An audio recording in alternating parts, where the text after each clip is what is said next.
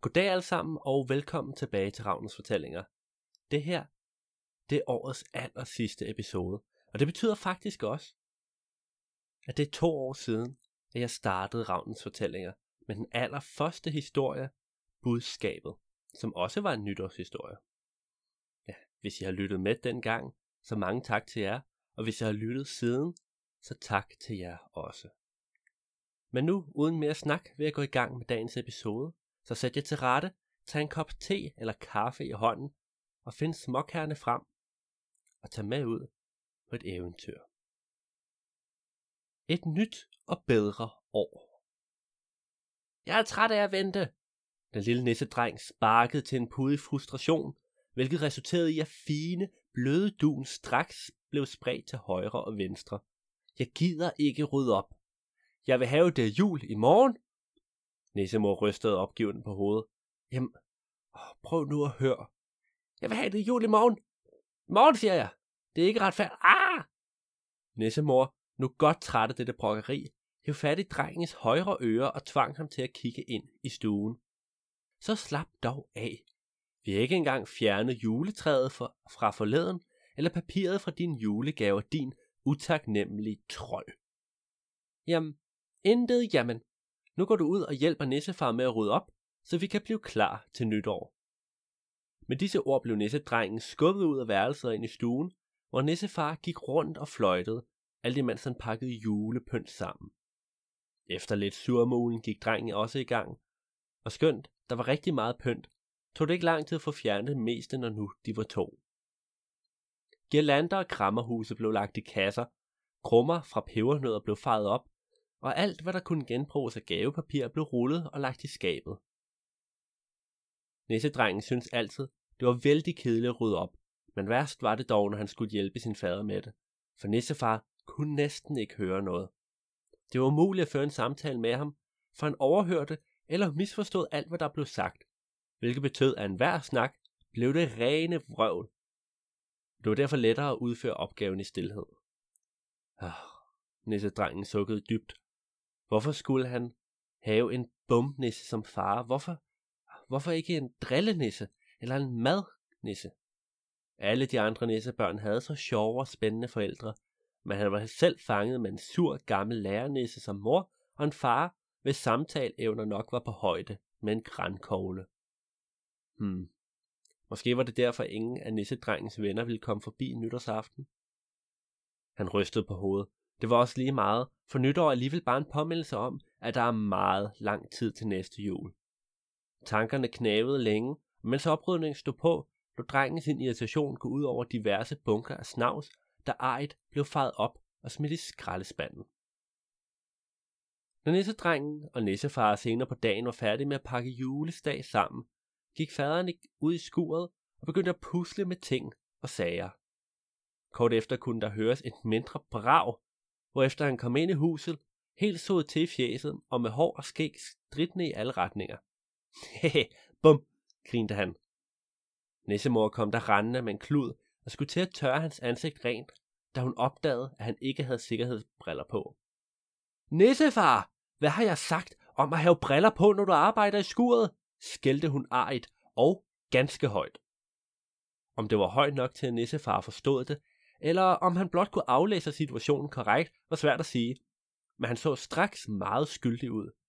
Jamen, undskyld min smørklat, det er bare fordi... Og han nåede ikke at tale færdig, inden hun begyndte at vaske såden af hans ansigt og skæg, og det var tydeligt, at hun ej gad høre dårlige undskyldninger. Der hentede hun to sikkerhedsbriller og gav en til nissefar og en til nissedrengen. De kiggede begge forvirret på brillerne, dernæst på hinanden, og til sidst på nissemor. Vil du virkelig have, at jeg går ud med far i skuret? Ja. Ah, det gider jeg altså ikke, proklamerede drengen højt.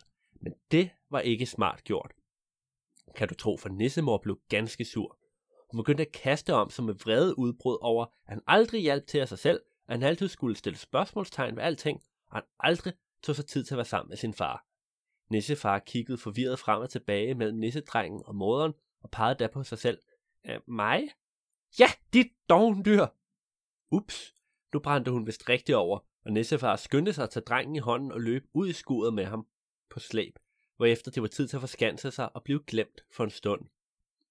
Det var et gammelt træskur, hvor siderne indeni var beklædt med brandmærker og sod, og langs den ene væg stod et mægtigt reol fyldt med dimser, ting, sager og meget mere endnu. I hjørnet længst væk fra lyset var en mægtig tønde. En tønde, der fangede nissedrengens opmærksomhed. Han har aldrig været med herinde, for hans mor har altid sagt, at han skulle holde sig væk. Hvorfor havde hun dog ændret mening nu? Mens han spekulerede over dette, åbnede han låget til tønden og kiggede ned i den. Det var alt for mørkt til at se noget.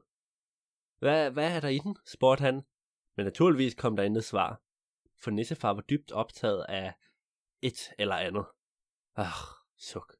Så måtte nissedrengen jo selv finde ud af det. Han tog flagmuslygten fra bordet og gik tilbage til tønden, hvor han lige skulle til at stikke lygten ned, for han ville lyse indholdet op, da nissefar lagde hånden på hans skulder. Og da drengen vendte sig, havde nissefar et meget alvorligt ansigtsudtryk og kiggede ham lige i øjnene. Bum, sagde han blot, hvorefter han lagde lågen på tønden igen og tog lygten hen til bordet. Her vinkede han til nissedrengen bad ham komme nærmere.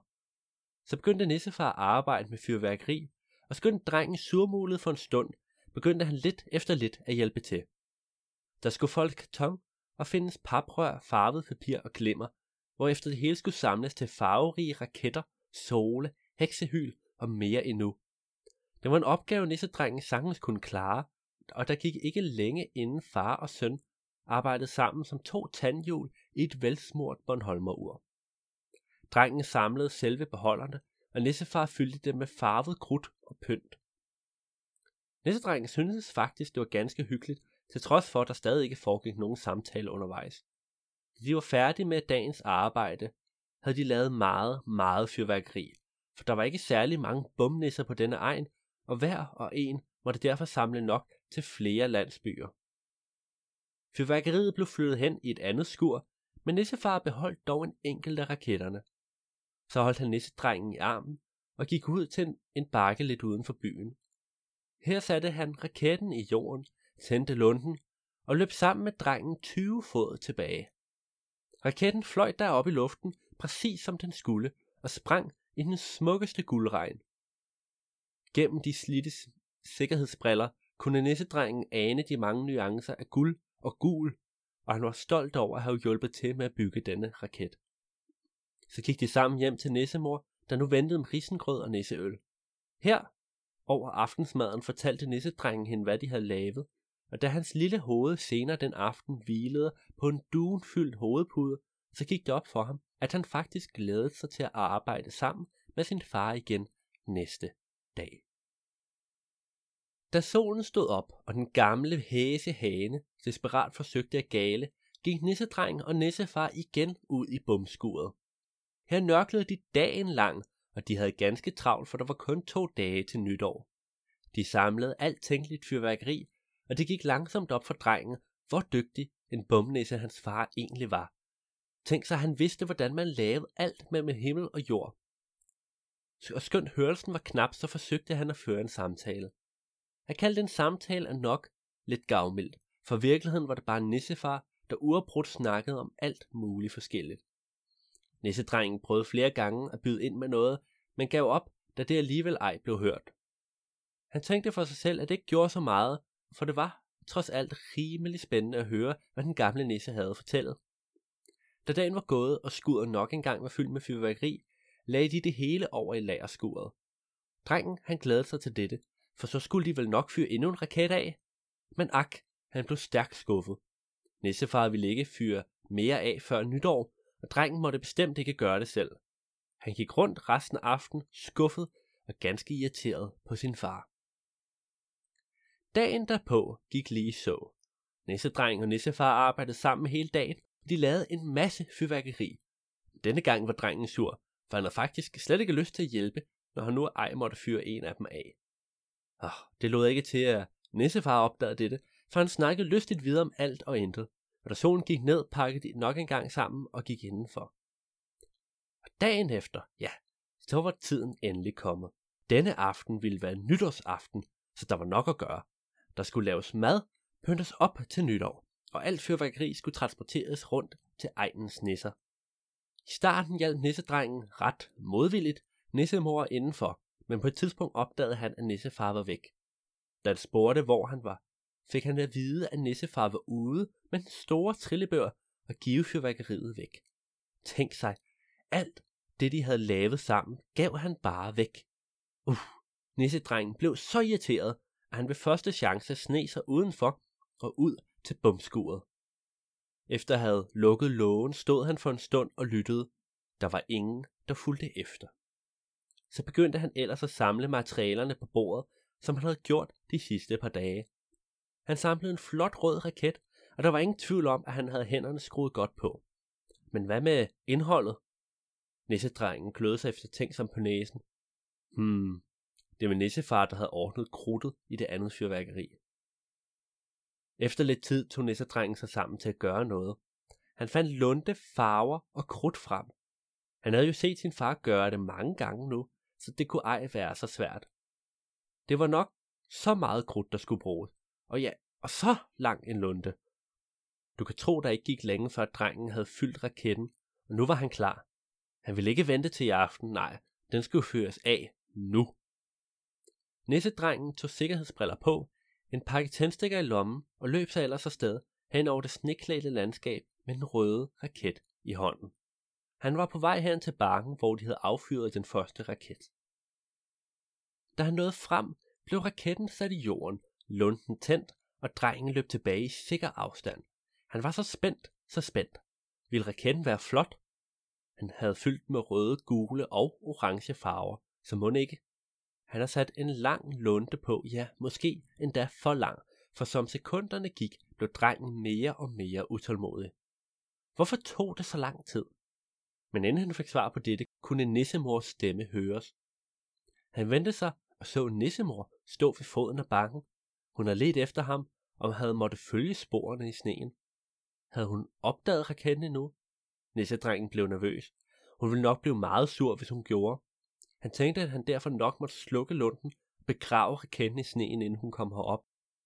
Så han løb hen til det flotte røde fyrværkeri, der stadig ikke var flot til værs. Men det skulle han ikke have gjort, for da han stod foran raketten, opdagede han, at lunden den var brændt helt væk. Han nåede lige at tage armene op foran hovedet, da raketten sprang. Næssedrengen blev blæst bagover, landede i den kolde sne og besvimede helt og aldeles. Dunkende hovedpigen, Fuldstændig alt overskyggende smerte i hoved og ører, og en frygtelig irriterende tone. Det var det første, som nissedrengen erkendte, da han kom til bevidstheden igen. Han kunne genkende følelsen af den bløde pude og duften af dynen. Han lå i sin egen seng. Hvordan han var havnet her, vidste han ikke, men han var dog alligevel glad for at være i vante omgivelser. Da han gav lyd fra sig, blev han hurtigt omgivet af nissefar, nissemor og den lokale nisselæge. De virkede alle lettet over, at han var vågnet op, men udvekslede bekymrede blikke, da han ej svarede på, hvad, han sag, hvad de sagde. Efter en hurtig test konkluderede næselægen, at der ikke var nogen tvivl. Drengen kunne ikke høre noget som helst. Om det ville være permanent, eller ej, vidste han ikke, men lige nu havde nissedrengen i hvert fald brug for rigelig hvile og omsorg. Og hvile, det fik han, for med den smerte var den eneste lindring at sove dagen lang. Han sov, som han aldrig havde sovet før, og når han engang imellem var vågen, sad nissemor og nissefar ved hans side. De sagde ikke noget, men prøvede alligevel at underholde ham ved at mime dagens oplevelser. Nogle gange kom der venner og familie på besøg og så til ham, men det brød han sig nu ikke om. Tænk, at du skulle se ham ligge her som en sardin i en dåse. Ej, så ville han hellere sove videre end at hilse på dem. Efter et utal af dage begyndte nissedrengen at få det bedre.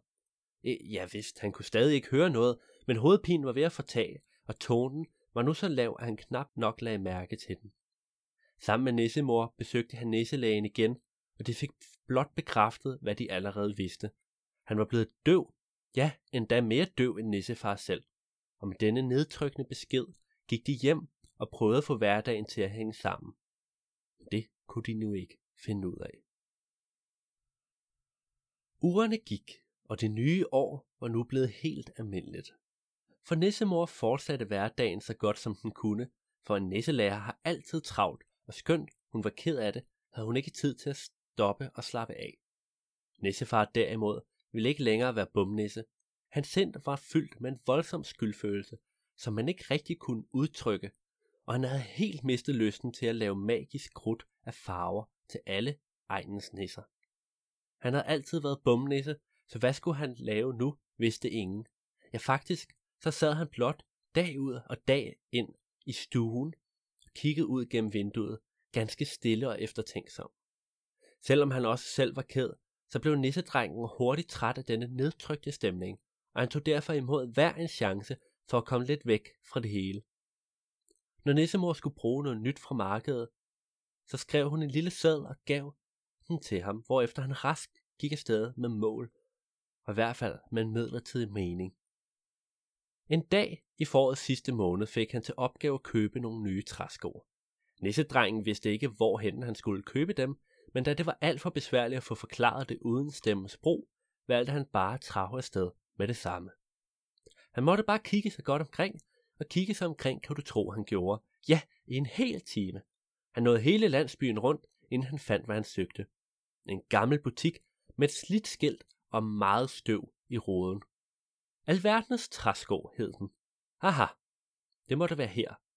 Da næsedrengen trådte indenfor, blev han mødt med duft af savsmuld og sterinlys, og der gik ikke længe før en meget, meget gammel nisse kom til syne i døråbningen bag disken. Han kiggede afventende på nissedrengen, der straks gav ham sædlen fra nissemor. Den gamle nisse tog sædlen, gik om i baglokalet, og efter at have rumsteret i et stykke tid, kom han frem med en æske. En æske, der indeholdt nogle fine udskårede træsko. Den gamle nisse mumlede et eller andet, og nissedrengen pegede derfor på sine ører og prøvede at signalere, at han altså var døv. Den gamle nisse løftede øjenbrynene en smule, og efter lidt tøven lavede han præcis samme bevægelse omkring sine egne ører, og du kan nok tro, at drengen blev overrasket. Tænk sig, den gamle nisse var også døv. Overraskelsen blev der hurtigt erstattet en forvirring, da den gamle prøvede at lave en masse håndtegn, nissedrengen ej forstod. Noget, den gamle heldigvis hurtigt opfattede. Han tog derfor i stedet et stykke papir og skrev ned, hvad drengen skulle betale for træskoene. Dernæst skrev han en anden lille besked, som nissedrengen kunne læse på vej hjem. På den stod, at ja, den gamle nisse var ganske døv, men han kunne godt bruge en hjælpende hånd i hans værksted, og han foreslog derfor, at nissedrengen kunne komme forbi en dag. Så ville han til gengæld lære ham noget, han helt sikkert ville kunne bruge senere. Hvad det måtte kunne være, spekulerede nissedrengen over resten af dagen. Han syntes ikke videre, at det lød specielt spændende at lave træsko, men hans nysgerrighed var nu alligevel piret, og han besluttede sig derfor for at besøge den gamle træskonæse næste dag. Det blæste voldsomt, da næsedrengen igen stod foran butikken, og vinden kastede skiltet ude foran frem og tilbage. Han var ret sikker på, at det lavede en voldsomt irriterende larm, men da han ikke selv kunne høre noget, stod han bare der og betagede det lidt. Ja ja, der måtte vel være nogen fordel ved at være døv. Der åbnede butiksdøren sig, og den gamle nisse stod i døråbningen og vinkede ham indenfor. Snart var træskonæsen ved at give nissedrengen en rundvisning i hele hans værksted, og det var bestemt større, end man lige skulle tro. Der var baglokalerne, hvor alle de mange hundrede træsko blev gemt i kasser af forskellige størrelser. Der var to forskellige mindre værksteder, hvor træskoene blev først ja, skåret ud, dernæst malet og så lakeret, og så selvfølgelig selve butikken. Snart det hele var vist frem, gik den gamle nisse i gang med at vise drengen, hvordan man skar træsko. I starten syntes nissedrengen det hele var lidt kedeligt, men efterhånden begyndte han at nyde processen. Der var noget afslappende ved at sidde og skære et stykke træ, og han nød faktisk at være et helt andet sted end derhjemme. Da dagen var over, var nissedrengen blevet en hel del klogere på, hvordan træsko blev lavet, men han var nu sikker på, at det ikke var hvad den gamle nisse havde ment i sin besked. Det havde han ret i, for da de endelig havde ryddet op efter dagens arbejde, gjorde den gamle døve nisse tegn til at nissedrengen skulle sætte sig på en stol i værkstedet. Her fandt træskonissen det ene redskab frem efter det andet, og hver gang lavede han et tegn med hænderne. Der gik lidt tid, før nissedrengen forstod, hvad det gik ud på, men da femøren endelig faldt, var det lidt af en åbenbaring.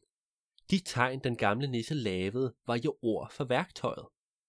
Nissedrengen prøvede da at efterligne tegnene, og inden længe kunne han sige både kniv, fil, sav og mere endnu på dette nisse tegnesprog. Ah, da han gik hjem den aften, var han godt tilfreds med, hvad han havde lært, og både nissefar og nissemor bemærkede, at han var i langt bedre humør, end han plejede. Det var noget, der varede ved, for dagen efter og dagen efter den tog han ned til træskonæsten og hjalp til, og for hver en dag, der gik, lærte han at sige mere og mere på tegnsprog. Inden længe kunne han have simple samtaler med den gamle nisse, og sådan da helt uden brug af blæk og papir. Det var længe siden, han havde sådan kun småsnakke med nogen, og da sommeren sang sit sidste vers, gik det op for ham, at han egentlig havde det rimelig godt. Men det gik også op for ham, at hans nissefar stadig var ked, og han nok burde gøre noget ved det. Da nissedrengen kom hjem igen, fandt han, ikke overraskende, nissefar siddende i sin gyngestol mellem vindue og pejs. Her havde han siddet hver dag siden nytår, og skønt han udad til var blevet en smule gladere efter nissedrengen begyndte at arbejde i træskobutikken, vidste både nissedreng og nissemor, at han stadig følte en enorm skyld over ulykken. Det gamle bumskur var låst af, ja, og havde været det siden nytår. Med tiden ville låsen nok ruste fast, og så var der ingen, hverken gamle eller unge nisser, der kunne komme til at lave fyrkaveri her i området. Efter at have sat sin træsko på plads, tog nissedrengen en stol og hævde den hen ved siden af sin far. Dernæst begyndte han at finde alle mulige ting frem fra skufferne på hans værelse og lagde dem på stolen. Noget som Nisse far undrede sig en smule over. Hvad var dog dette på styr? Da det var gjort, stillede drengen sig foran vinduet og tog tingene en efter en og lavede tegn. Tegn, der skulle fortælle, hvad tingene var. Tegn, han håbede ville give hans far et sprog, ligesom han selv havde fået. Langsomt, ganske langsomt gik det op for Nissefar, hvad der foregik, og hans øjne lyste op med en interesse og nysgerrighed, så både nissemor og dreng troede aldrig ville komme igen. Hele aften gik med dette, og selv hen over aftensmaden forsøgte drengen at lære fra sig af nissernes tegnsprog. Da tiden endelig kom til at gå i seng, var der god stemning i det lille nissehjem. Ja, faktisk var der mere glæde og håb i luften, end der havde været i månedsvis. Sådan stod det på i flere måneder. Om morgenen tog nissedrengen afsted og brugte dagen uden hos den gamle nisse, og om aftenen lærte han fra sig at det stille sprog. Snart gik det så godt, at det ikke kun var nissefar, der kunne en del ord og sætninger, men også nissemor. Da tiden endelig var inde til at fejre jul igen, gik det op for nissedrengen, hvor hurtigt tiden egentlig var gået. De sidste uger, ja måneder, havde han haft det godt, måske endda bedre end før ulykken, tro det eller ej. Juleaften blev den gamle træskonisse inviteret med, for han havde ikke selv nogen steder at gå hen. Han medbragte de fineste træsko til både nissemor, far og dreng, og blev selv belønnet med velsmagende kager og dejlig risengrød. Henover maden, rundt om træet, blev der grint og hygget, for alle snakkede på livet løs med tegn og fakter, og glæden, glæden var stor. Da julen var gået, og nytåret kom, så gentog de den store succes. Her var pynten skiftet ud, og maden ny, men snakken gik lige så. Timerne forsvandt raskt afsted, og da klokken snart skulle slå 12, så sad nissedreng og nissefar og snakkede. De snakkede om alt mellem himmel og jord, om alt det, faren aldrig havde kunnet fortælle sin søn. Der hvor tegnene ikke rakte langt nok, så blev der skrevet små beskeder eller lavet tegninger og kruseduller. Det hele var så dejligt, at de begge glemte at holde øje med tiden. Det var først, da nissemor klappede dem på skuldrene og pegede på det gamle ur på væggen, at de opdagede, at klokken havde slået 12. Nissedrengen smilede da stort, for han kunne mærke noget. Han kunne mærke, at det hele nok skulle gå. Han kunne mærke glæden ved at tale med sin familie igen, og han vidste, at tiden nu var inde til et nyt og bedre år. Det var dagens episode af Ravnens Fortællinger. Det var vores nytårshistorie. Det var det sidste episode for 2019. Jeg håber, I kunne lide den. Jeg håber, I alle sammen har haft et fantastisk år. jeg håber, I har et fantastisk nytår, og jeg håber, at det næste år bliver godt for alle, som lytter med, og for alle dem, som ikke gør. Og så vil jeg bare sige godt nytår. Adios.